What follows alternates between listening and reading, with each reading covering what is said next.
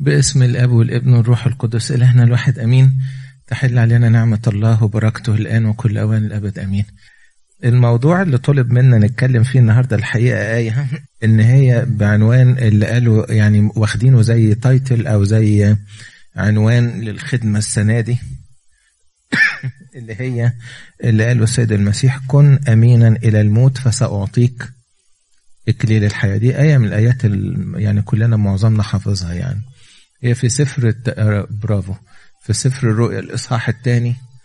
الحقيقة الآية اللي اختاروها الإخوة آية جميلة. موجودة في سفر الرؤيا. يعني دي مش موجودة في الأربع بشاير. مش يعني السيد المسيح ما قالهاش أثناء خدمته بالجسد. ده قالها بعد صعوده لما ظهر للقديس يوحنا. الآية جميلة قوي. معناها بيقول كن أمينا إلى الموت فسأعطيك إيه؟ إكليل الحياة. بس عايزين نفهم إيه معنى الآية دي. لأن ال القراية السطحية ليها أو القراية الظاهرية شكرا. هنخلص الاثنين ما تقلق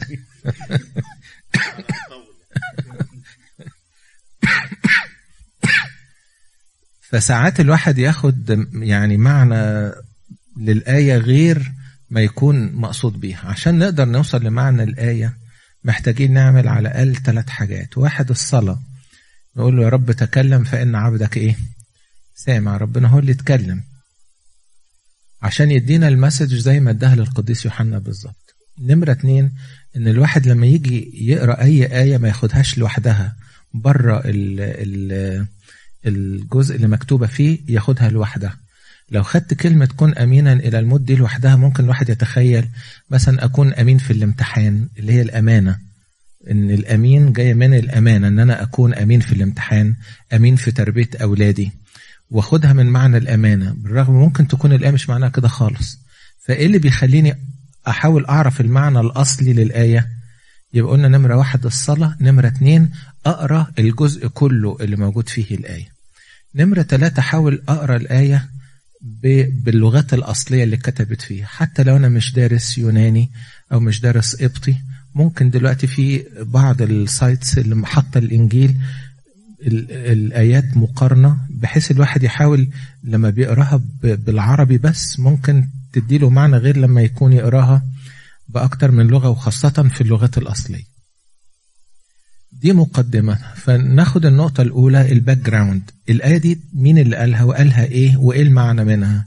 لأن دي هتفهمنا المعنى العميق للآية اللي نتمنى يعني نقدر نوصل له ربنا يكشفه لنا. الآية دي زي ما قلنا قايلها السيد المسيح.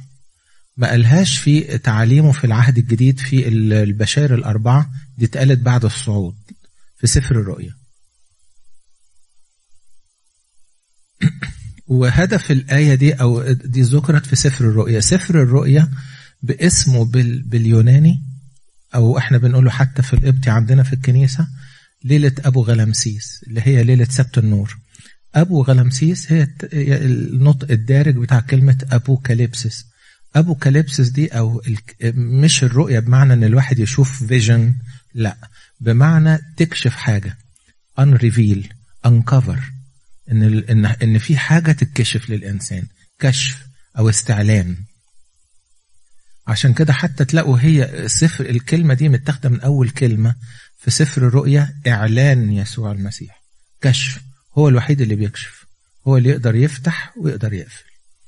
سفر الرؤيا هو آخر سفر نبوي في العهد الجديد وهو بيوازي الأسفار النبوية بتاعة العهد القديم. السفر ده بالرغم إنه ابتدى على الأرض يعني أول رؤية فيه ابتدت على الأرض لكنه انتهى بالسماء. سفر الرؤيا معروف اللي كتبه القديس يوحنا الإنجيلي وعلشان كده حط اسمه أكتر من مرة. يمكن القديس يوحنا ما حطش اسمه في في البشارة لكن حط اسمه في السفر أكتر من مرة. أنا هحاول أكون مركز جدا وأقول يعني حاجات سريعة عشان ما أطولش عليكم. فسفر الرؤيا اللي كتبوه القديس يوحنا الحبيب. وممكن ما يكونش هو آخر سفر اتكتب في العهد الجديد بحيث الوقت يعني. وفي نفس الوقت هو مش رؤية واحدة يعني هي مش فيجن واحدة. هي مجموعة من الإعلانات أو الكشف حصلت مع بعض. ومش معناها إن أنا لو لقيت حاجة مكتوبة في الإصحاح الأول وحاجة مكتوبة في الإصحاح الأخير إن اللي حصل في الإصحاح الأول ده هيحصل الأول وبعدين اللي هيحصل في الإصحاح الأخير هيحصل بعديه. لا. الرؤى هي عبارة عن هو بيعلن بيكشف إيه اللي جاي. بيكشفه بأكتر من طريقة وحاطط كذا رؤية. بنفس المعنى وممكن تلاقيهم ورا بعض وتلاقيهم متداخلين. أكن واحد بيعيد عارف يقول لك التكرار بيعلم الشطار بيعيد الرؤية بيعيد الكشف. الكشف إيه؟ أن السماء والأرض ستزولان ولكن كلامي لا يزول. أمين تعالى أيها الرب يسوع. هو ده الهدف بتاع كشف أو إعلان سفر الرؤية. سفر الرؤيا أعلن أو كشف للقديس يوحنا. القديس يوحنا ماري مرقس جه عندنا مصر وأسس كنيستنا. القديس يوحنا بشر بعد أن يحدث ست العذراء في الحتة بتاعت آسيا الصغرى اللي هي تركيا واليونان دلوقتي. واسس سبع كنايس. أول جزء في سفر الرؤيا الإصحاح الأولاني وهو في بطمس اتنفى في جزيرة اسمها بطمس فشاف كشف اتكشف له يعني السماء اتفتحت ليه. وشاف السيد المسيح في الإصحاح الأول بصورة مهيبة. وهو كل معظم أو يعني كتير من المفردات اللي بيستخدمها في سفر الرؤيا هي رموز. لما يقول أنا شايفه شعره أبيض معناه أنه هو قديم الأيام مساوي للأب في الجوهر لابس البر لابس ثوب أبيض ده اللي شافه أشعيا أزياله تملأ الهيكل. لما يقول شفته لابس منطقة على صدره رمز القضاء ورمز العدل. لما يقول وهكذا يعني.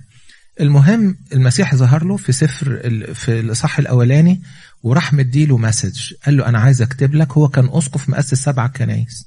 فقال له أنا عاوز أدي لك رسالة للسبع كنايس اللي أنت محروم من خدمتها دلوقتي. السبع كنايس دول اولا نقدر نفهم في الإصحاح اثنين والثلاثه يعني واحد هو في ظهور السيد المسيح ليه. إصحاح اثنين وثلاثة اداله السيد المسيح رسالة لكل كنيسة من الكنائس السبع. هتلاقوا إصحاح فيه أربع رسائل وإصحاح فيه ثلاثة يبقى صح اثنين وثلاثة دول هم إيه؟ الإصحاحات أو الرسائل السبعة اللي ظهور السيد المسيح في بطمس أو كشفه أو إعلانه ظهر للقديس يوحنا واداله سبع رسائل للسبع كنائس اللي كانت موجودة حقيقية في منطقة آسيا الصغرى. أول ثلاث إصحاحات دول الرؤية الأولى لأن سفر الرؤية فيه كذا رؤية. إحنا قلنا يمكن الكلمة العربي رؤية مش بتوضح قوي المعنى. زي برضو لما نقول كن أمينا للموت وناخدها بالعربي بس أو يعني قراية سطحية ممكن تمشينا في سكة الأمانة. لكن لما هنقرأ ال background ده بالرغم إنه ممكن ياخد وقت بس لما تشوفوها تلاقوا بقى الآية بتاخد بعدها الحقيقي. كان القديس يوحنا مؤسس سبع كنايس وكل كنيسة ليها اسم حقيقي. كل كنيسة منهم بتمثل حاجة.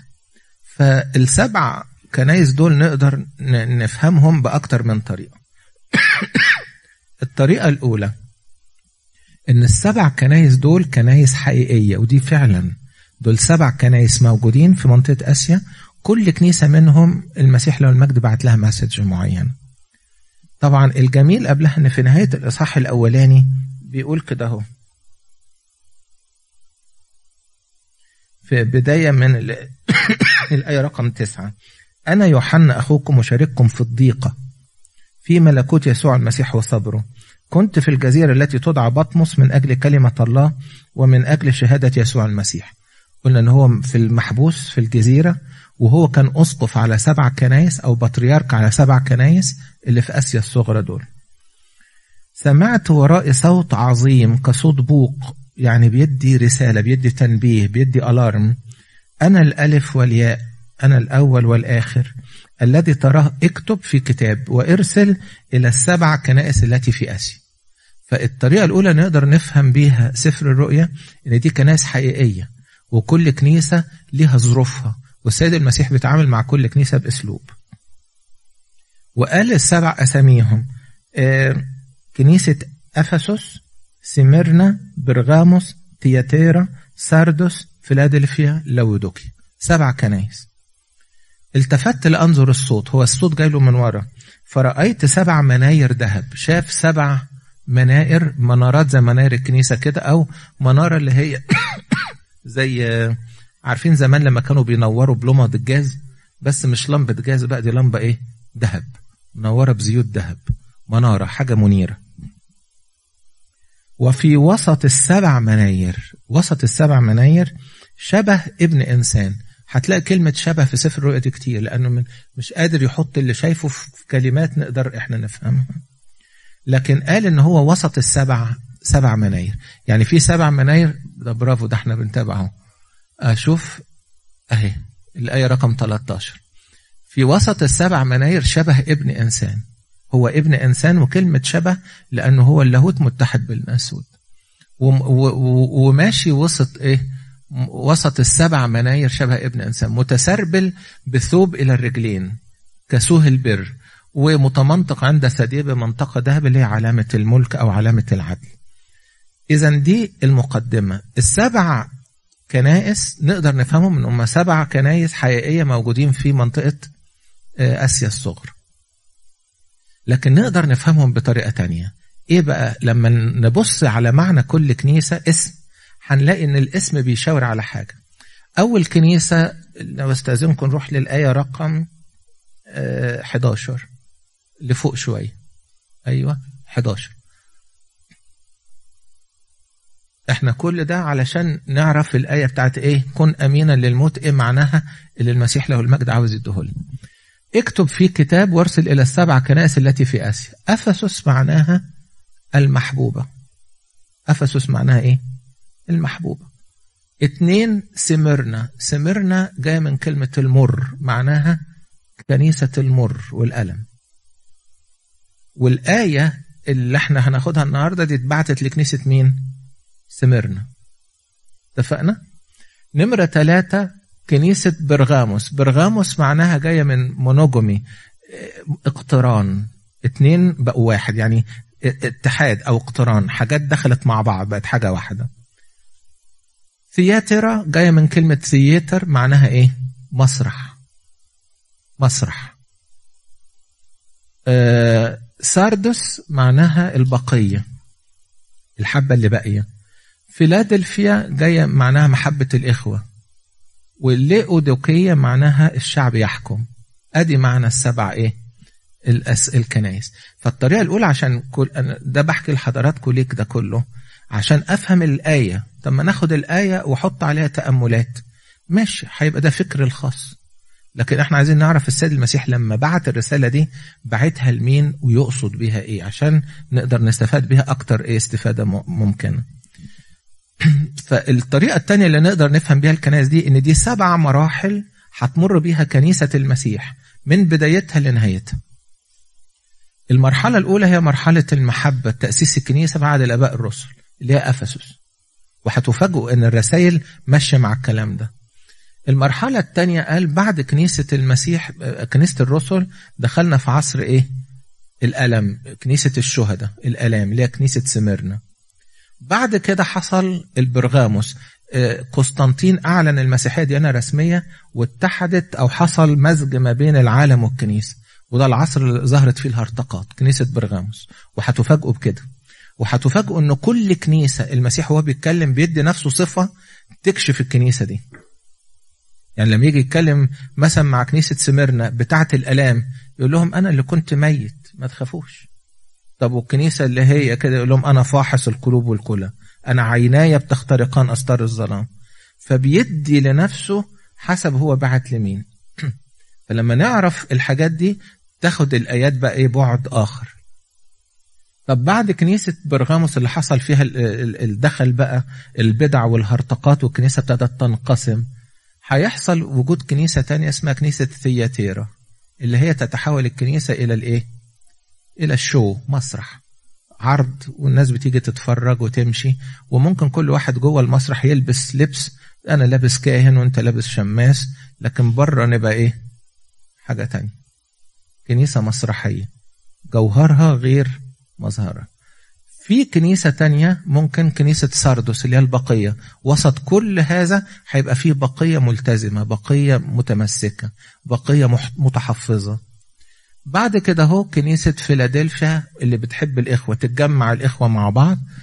آخر كنيسة ليودوكية إن الشعب هو اللي يحكم الكنيسة. يعني إيه يحكم؟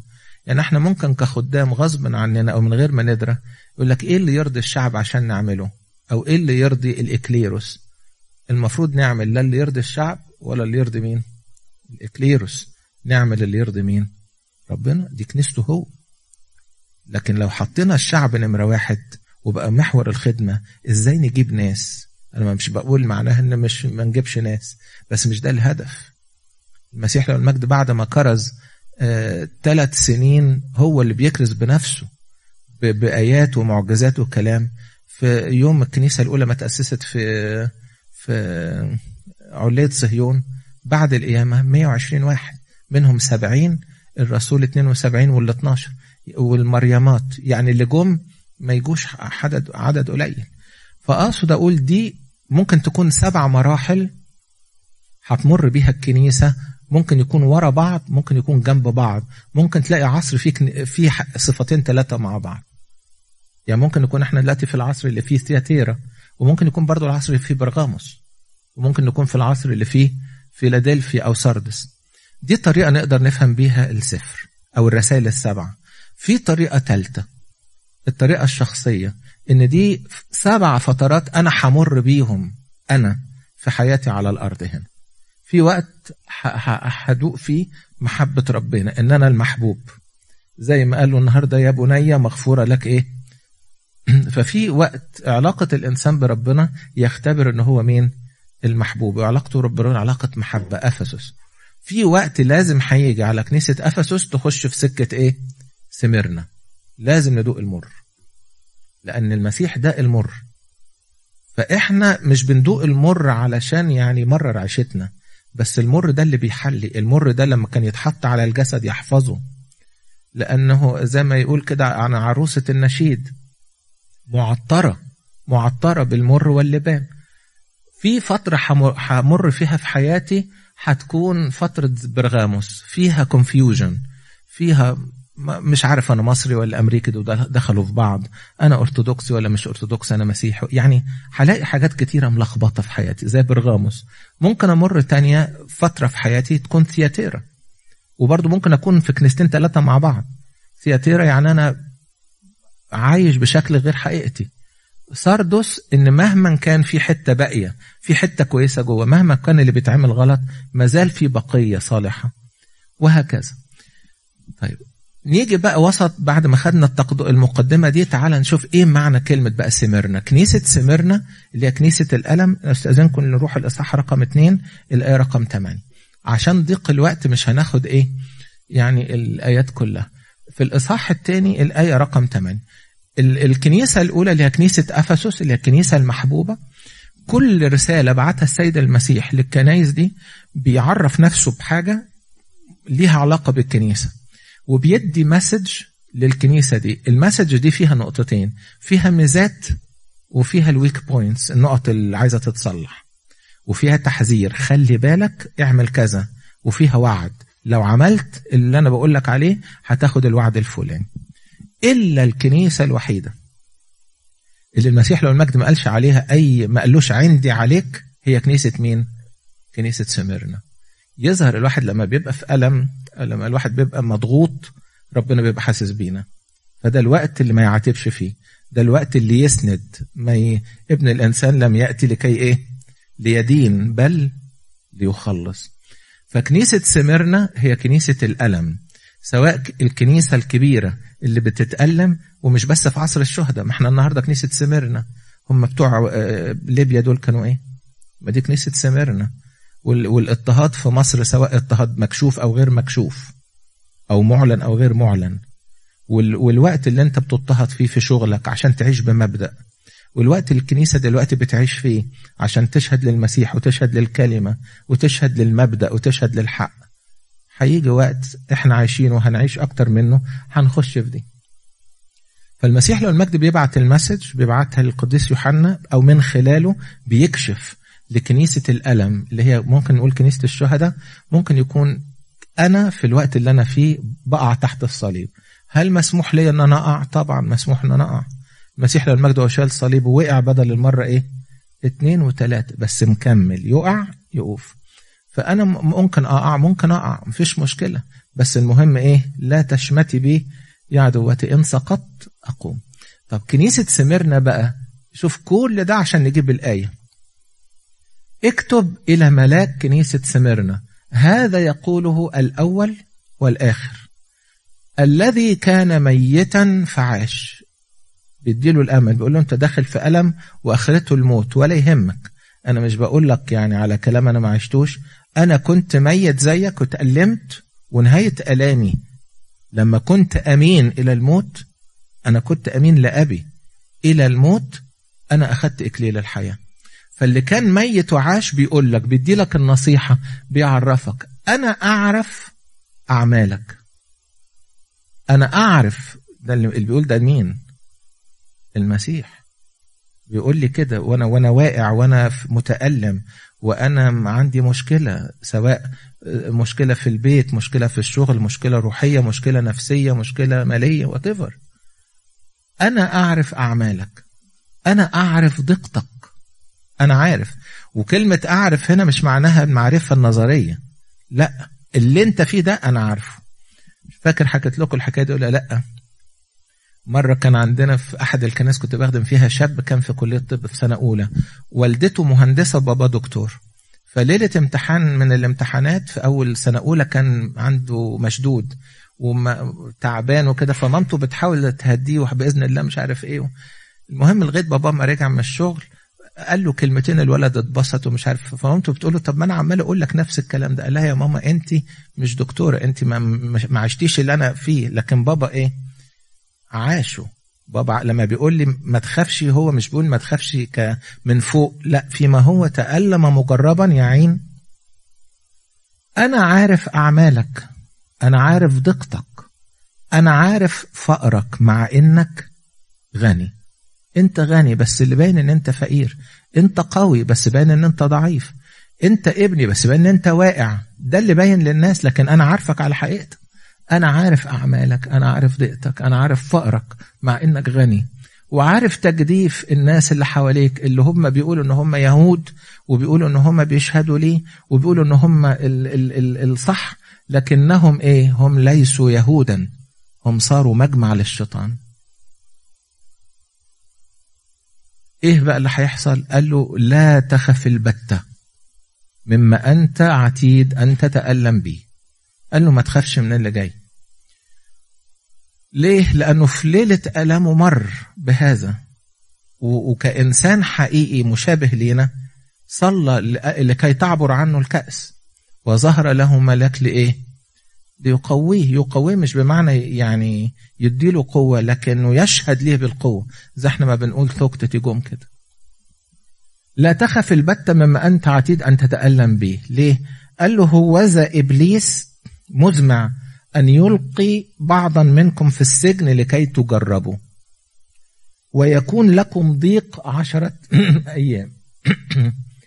بيقول له أنت داخل على ألام أنت داخل على مشاكل ولا يهمك. هتشيلها؟ لا مش هشيلها. طب هتخففها؟ لا مش هخففها.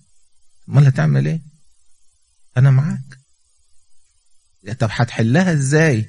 ما هو كلنا كان نفسنا وإحنا صغيرين إن المدارس تقع. وما ما نخشش في امتحانات. نفسنا كان كده بس ده ما حصلش. لازم تخش ولازم تمتحن. ولازم تتعب ولازم تمتحن ولازم إيه؟ تنجح عشان يبقى لها هي كده.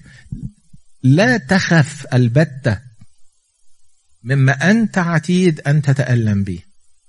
إبليس مزمع أن يلقي بعضا منكم في السجن لكي تجربوا. طب ليه يا رب هتسمح لإبليس يعمل كده؟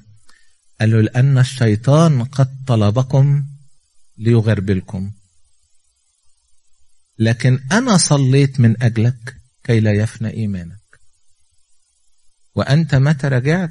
ثبت إخواتك. طب يا رب ليه ما إحنا مشينا كده حلوين وكده؟ قال له لا. قال له قال له يا رب هو أمجانا يتقي أيوب الرب؟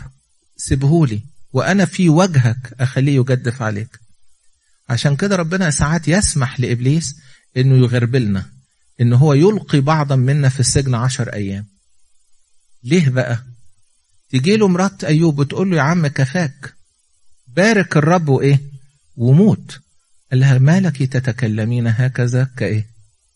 أحد الجاهلات. الخير نقبل من عند الله والشر لا نقبل وبعدين قال لها الآية الجميلة قال لها إيه؟ الرب أعطى والرب أخذ ليكن اسم الرب إيه؟ مباركا.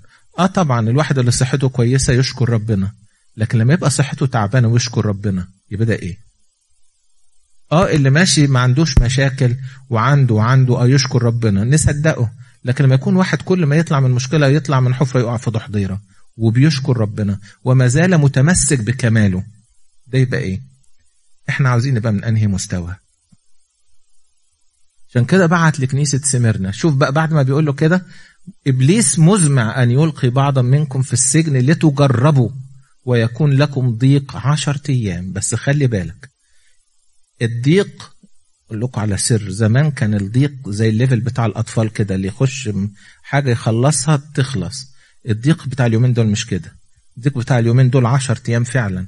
تخلص level واحد وتقول الحمد لله خلصنا. وتفتكر إن هيخلص level واحد ترجع إيه؟ تلاقيه فتحت على level إيه؟ اتنين. تخلص level اتنين تقول له يا رب حل لي level اتنين يروح مدخلك على level كام؟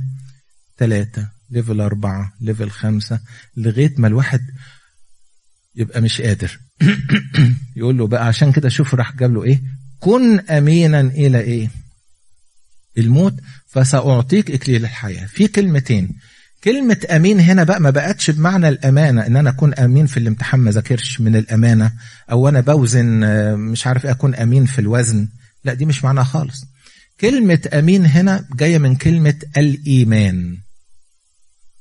عشان كده حتى تلاقوا في الكتب الطقسية بتاعت الكنيسة زمان لما كان يجي يكتبوا قانون الإيمان ما يقولش قانون الإيمان. عارفين يقولوا إيه؟ الأمانة الأرثوذكسية. اسمها الأمانة. فهنا كلمة كن أمين معناها إن يعني إيه؟ عيش إيمانك اتمسك بالإيمان إلى الموت.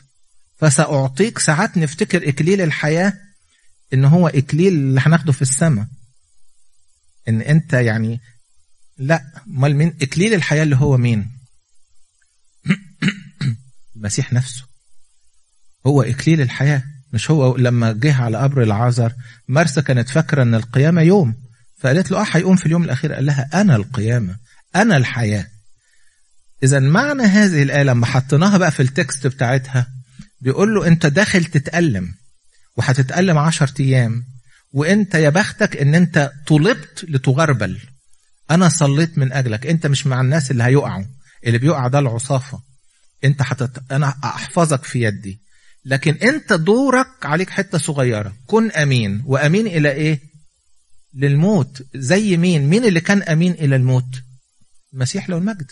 ولأنه يقول لك لم يكن ممكنا للموت أن يمسكه. لأنه كان أمين لأنه وجد بارا. اذا معنى الآية كن أمين إلى الموت يعني خليك زيي امشي سكتي. كن أمين إلى الموت فسأعطيك اكليل الحياة.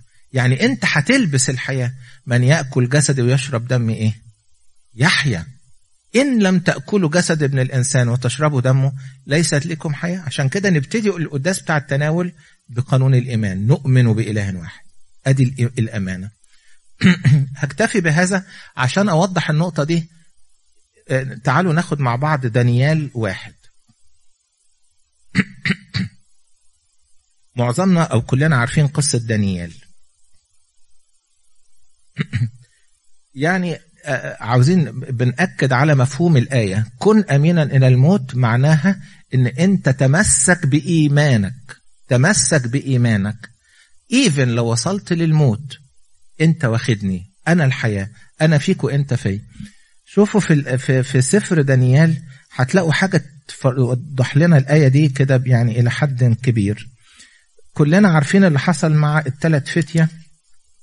علشان ضيق الوقت ناخد في الإصحاح في الآية الأولى سوري الإصحاح الأول الآية رقم 8 الآية رقم 8 خدوا الثلاث فتية ودانيال على على بابل.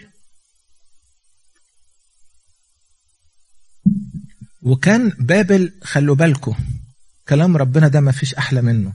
شعب الله تعرض في, مسيرته لنوعين من العبودية. عبودية واضحة اللي هي عبودية مصر لدرجة إن الشعب كان نفسهم يخرجوا. يعني الشعب لما ربنا فتح لهم السكة خرجوا كلهم في ليلة واحدة. دي عبودية باينة. لكن في تاريخ شعب إسرائيل في عبودية تانية بس ما كانتش باينة اللي هي عبودية إيه بقى؟ بابل. لما راحوا بابل بابل طريقة عبوديتها غير فرعون. عشان كده تلاقوا في العهد القديم فرعون يرمز للشيطان وملك بابل يرمز للشيطان بس الاتنين ليهم حكمة في الشر. فرعون كان قاسي بيضرب الشعب وبيذله وبيستعبده في الطين فالشعب صرخ. لكن في ملك بابل كان مختلف. ملك بابل قال لهم إحنا هنعمل لكم بزنس وهنفتح لكم ال citizenship وهنشغلكم نهار وليل وهنغير أساميكم وتعيشوا معانا. إحنا multiculture وغير أساميهم. حنانيا وعزاريا وميشائيل بقوا شدرخ وميشخ وعبد ناغو. وناكل زي بعض ونعيش زي بعض. وبلاش نحط الحدود بتاعه الإيمان والحاجات اللي بتفرق الناس من بعضها. خلينا كلنا نبقى إيه؟ وفعلا الشعب كله عمل كده. ونعمل تمثال ونعبده مع بعض. كلهم سجدوا. لما جه ربنا يبعت مخلص يرجع الشعب الأورشليم من بابل. فاكرين في مصر كانوا بيصلوا يقولوا ابعت ابعت لنا حد. لما بعت موسى كلهم إيه؟ مشيوا. عارفين في بابل لما رب بعت لهم حد عشان يرجعوا؟ بالرغم انهم قعدوا في بابل 70 سنة قعدوا في مصر 430 سنة. إذا فعبودية إبليس لها طريقتين. طريقة باينة وطريقة إيه؟ خلي بالك بقى من بابل. آدي معنى كن أمين للموت. شوفوا هتلاقوا بقى الإبداع في الروح القدس دلوقتي. دانيال أي رقم دانيال؟ دانيال جعل في قلبه ألا يتنجس بأطايب الملك. ولا بخمر مشروبه فطلب من رئيس الخصيان أن لا يتنجس. ده؟ دي كن إيه بقى دي؟ كن أمين. يعني إيه كن أمين؟ يعني اسلك بالإيمان. يعني إيه اسلك بالإيمان؟ يعني أعمل الصح اللي أنت استلمته. استلمته من الرب واستلمته من الكنيسة دانيال جعل في قلبه ألا يتنجس بأطايب الملك ولا بخمر مشروبه. فطلب من رئيس الخصيان ألا يتنجس. أعطى الله دانيال نعمة ورحمة عند رئيس الخصيان. فقال رئيس الخصيان لدانيال أنا أخاف سيد الملك اللي عين طعامكم وشرابكم ماذا يرى وجوهكم أهزل من الفتيان اللي في جيلكم؟ فتدونون رأس للملك. قال له لو, لو حصل إن الملك قارن صحتكم بدي هتبانوا أضعف فأنا اللي هبقى متهم ممكن ياخد رأسي فيه. فقال دانيال رئيس السقاة الذي الله رئيس الخصيان على دانيال وحنانيا وميشائيل وعزاري بيقول الأسامي الأصلية بتاعتهم مش الأسامي بتاعت شوفوا بقى دي هتوضح لنا الآية. جرب عبيدك إيه؟ عشر أيام عشر أيام دي فكرنا مين؟ قال له لا تخاف مما أنت مزمع ده هم دول عشر أيام بس يعدوا. جرب عبيدك عشر أيام يعطونا القتان لنأكل ماء لنشرب ولينظروا إلى مناظرنا أمامك وإلى مناظر الفتيان لا يأكلون من أطايب الملك. ثم أصنع بعبيدك مطر. أعملها إزاي يا رب؟ المنطق بيقول أنا لو مشيت بالحق لو مشيت بالإيمان أنا خسران. امشي بالإيمان. الباقي مش بتاعك. الباقي مش بتاعك. فسمع لهم هذا الكلام وجربهم عشر أيام. خلي بالك من جربهم عشر أيام. وعند نهاية العشر أيام أخذوا إكليل الحياة اللي هو إيه بقى؟ صارت مناظرهم أحسن وأسمن لحما من كل الفتيان. هسألك سؤال مش أنت متمرر بتجربة؟ التجربة اللي أنت دلوقتي أنا وأنت فيها وبنقول يا ريتنا ما كناش دخلنا فيها أنت النهاردة زي قبل التجربة ولا حصل حاجة؟ مش استويت؟ ولا إيه؟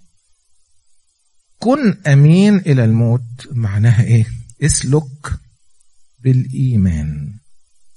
عشان كده قلت لحضراتكم المرة اللي فاتت لما بنيجي نرسم الصليب بنبتدي من هنا. باسم إيه؟ لأن الفكر لما بيبقى مقدس يروح مقدس المشاعر القلب. الابن ويروح مغير مين؟ الأفعال. لو ده وضع دانيال في قلبه لن يتنجس. أدي معنى كن أمين للموت. آخر كلمة عشان ما اقتلش إيه معنى كن أمين للموت؟ افتكر في قصة شخصية يعني حسب ما حد عرفه. كان بيعاني من خطية معينة وتعباه وسنين طويلة بيجرب فيها. وراح لأب اعترافه كان دي في في التسعينات. القصة دي يعني اللي حكاها لي كانت في التسعينات كنت في الكلية لسه. فحد من أصحابي يعني قال لي قال لي القصة دي وأنا فاكرها خالص. فراح لأب اعترافه كان في الفترة اللي أنا بقول لكم الوقت ده لأنها كانت في الفترة اللي فيها حرب الكويت. وكان الجيش المصري راح اشترك في الحرب ورجعوا وهم راجعين كان في ثلاث مجموعات. وطلع الرئيس السابق مبارك استقبلهم في المطار. في ناس راجعين السلام الجيش النازل القوي بأسلحته وراجعين وفي اللي استشهدوا وفي المصابين اللي راجعين رجله طارت وإيده طارت ويعني. فالشاب ده بيسأل الأب اعترافه بيقول له أنا بعترف على طول بالخطية دي. قال له الآية دي قال له المسيح لما قال كن أمين قال كن أمين إلى النصرة أو كن أمين إلى الغلبة ولا كن أمين للموت؟ عشان أعطيك إكليل الحياة. تكون أمين لإيه؟ لغاية ما تنتصر؟ لا. تكون أمين لحد إيه؟ الموت. قال له يعني قال له أنت فاكر الطيارة اللي نزلت واستقبلوهم؟ قال له آه. قال له المنطق بيقول إن في جندي انتصر ورجع حافظ على حياته وفي واحد خسر حياته مات واحد اتعور. المفروض مين اللي يتكرم أحسن تكريم؟ الوضع السليم. أكرم واحد مات؟ الوضع السليم أكرم مين؟ اللي, اللي انتصر. بس إحنا ما بنعملش كده. إحنا بنكرم مين؟ اللي مات. لأن التكريم مش للي انتصر التكريم للي كان أمين للموت. خدتوا بالكم نقصد إيه؟ اتنين عساكر ده ماسك البندقية بتاعته ده ماسك البندقية بتاعته. ولقوا العدو جه. ده هرب رمى البندقية وهرب واتضرب ومات. وده فضل يحارب. هو شاف مش قد اللي جاي بس أمين لأن القائد قال له تفضل هنا وتضرب. قعد يضرب واتضرب ومات. ده مات وده مات. الاثنين ليهم نفس الكرامة؟ الأولاني مات وهو إيه؟ هربان. ادى ظهره. والتاني مات ولا ما ماتش؟ ما هو نفس النتيجة. الاثنين نفس النتيجة؟ ده أمين إلى إيه؟ الموت. والأمين للموت هو اللي اتحد بالمسيح. لأن الذي أقام يسوع سيقيمنا لأننا مشينا في سكة المسيح. سهلة كده؟ شفت معنى كن أمين للموت؟ معنى كن أمين للموت يعني امشي في سكتي. تمسك بما عندك تمسك بالوديعة. احفظ إيمانك. قال له شوف الآية الجميلة قال له يا بطرس يا سمعان أنا صليت من أجلك لكي لا يفنى إيمانك. هو دي النقطة. أنا صليت. المسيح يشفع فينا. أنا صليت من أجلك كي لا يفنى إيمانك. طب ولو أنا مشيت بالإيمان أنا ماليش دعوة باللي حواليا. كلهم أحسن مني على رأسي من فوق. لكن أنا اللي بيربطني بالمسيح هو إيه؟ إيمان. الإيمان مش مشاعر. الإيمان هو إيه؟ الثقة. الثقة بما يرجى والإيقان بأمور لا ترى.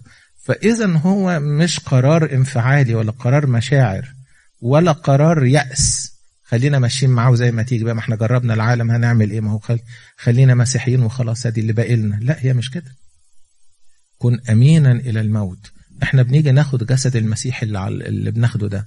جسد الموت ولا جسد القيامة؟ نعمل لكم تريك. هو جسد واحد. موت وقيام عشان كده بناخده في عرضين جسد ودم. الدم موت والجسد حياة. بناخد الاثنين مع بعض. كن أمين للموت تاخد إكليل الحياة. تناول. وهكذا. إذا أنا ماشي على إيمان. ممكن أغلط وممكن أقع وكل يوم بقع. مش مشكلة. المهم إن أنا يوم لما أموت واحد يقول لك افرض مت وأنا في الخطية. هو ربنا يعني مستني أول ما واخدني. أنت مت في الخطية ماشي. كنت بتحاول ولا لأ؟ آه أنا خاطي وبقع في الخطية بس ماسك سلاح على قد ما أقدر. لو مت أخد إكليل الحياة ولا ما أخدوش؟ لأن إيه مش المهم انتصر ولا ما انتصرش بس اللي عجيب بقى إن اللي يمسك فيه شوف آخر الآية بتاعت رؤيا يقول لك من يغلب من يغلب لأنه اللي هيكمل هو هياخد الغلبة. إذا فأنا مش مش ببص على الغلبة مش ببص على الانتصار أنا ببص على إيه؟ ببص إن أنا أكون حامل الصليب أكون ماشي بإيماني مع المسيح له المجد. واثق فيه. طب ولو اليوم الأولاني عدى؟ هيجي اليوم التاني هيجي التالت هيجي الرابع. أنا لا أخفيكم سر أنا متأكد إن إحنا في الأيام الأخيرة متأكد. لو مش في الأيام الأخيرة للعالم على الاقل في الأيام الأخيرة لينا. أنا متأكد إن كلنا أنا مش بقول لكم كده يعني إن أنا عارف الغيب بس ده أنا شايفه في نفسي وشايفه في الناس اللي حواليا. إن إحنا اليومين دول كم التقل اللي علينا ما حصلش قبل كده وكم التخبيط اللي بنتخبطه ما حصلش قبل كده. ومستوى إحنا في مستوى رفع أثقال عارف إحنا دلوقتي في المستوى اللي هو مش التقيل فوق التقيل. صح ولا أنا غلطان؟ حد شاف ضيقات زي بتاعت اليوم دي؟ لا. لا. ضيقات نفسية في كل حاجة وتلاقي تلاقيك مخبوط الخبطة من هنا وتقول يا رب تروح واخد الثانية من الناحية الثانية يا رب ده أنا مخبوط خبطتين تروح واخد الثالثه لعلك تقول إيه في وجهه تجدف عليه. لكن الإنسان ال ال الأمين للموت لا يضربوا زي ما هم عاوزين. طب ولو ضربوا مرة واثنين وثلاثه هي عشر أيام. هي عشر أيام. ومن يغلب كن أمين للموت. كن أمين للموت. عارفين مش بقول لكم الواحد يستبيع. لا مش مش تستبيعوا بس أقول دي وأختم. النار معروف إيه اللي بيغلبها؟ المية. ده الطبيعي صح؟ لكن في بعض الأوقات النار ما يغلبهاش غير النار. في حاجة كانوا يقولوها في الطب الواحد ما كانش يفهمها.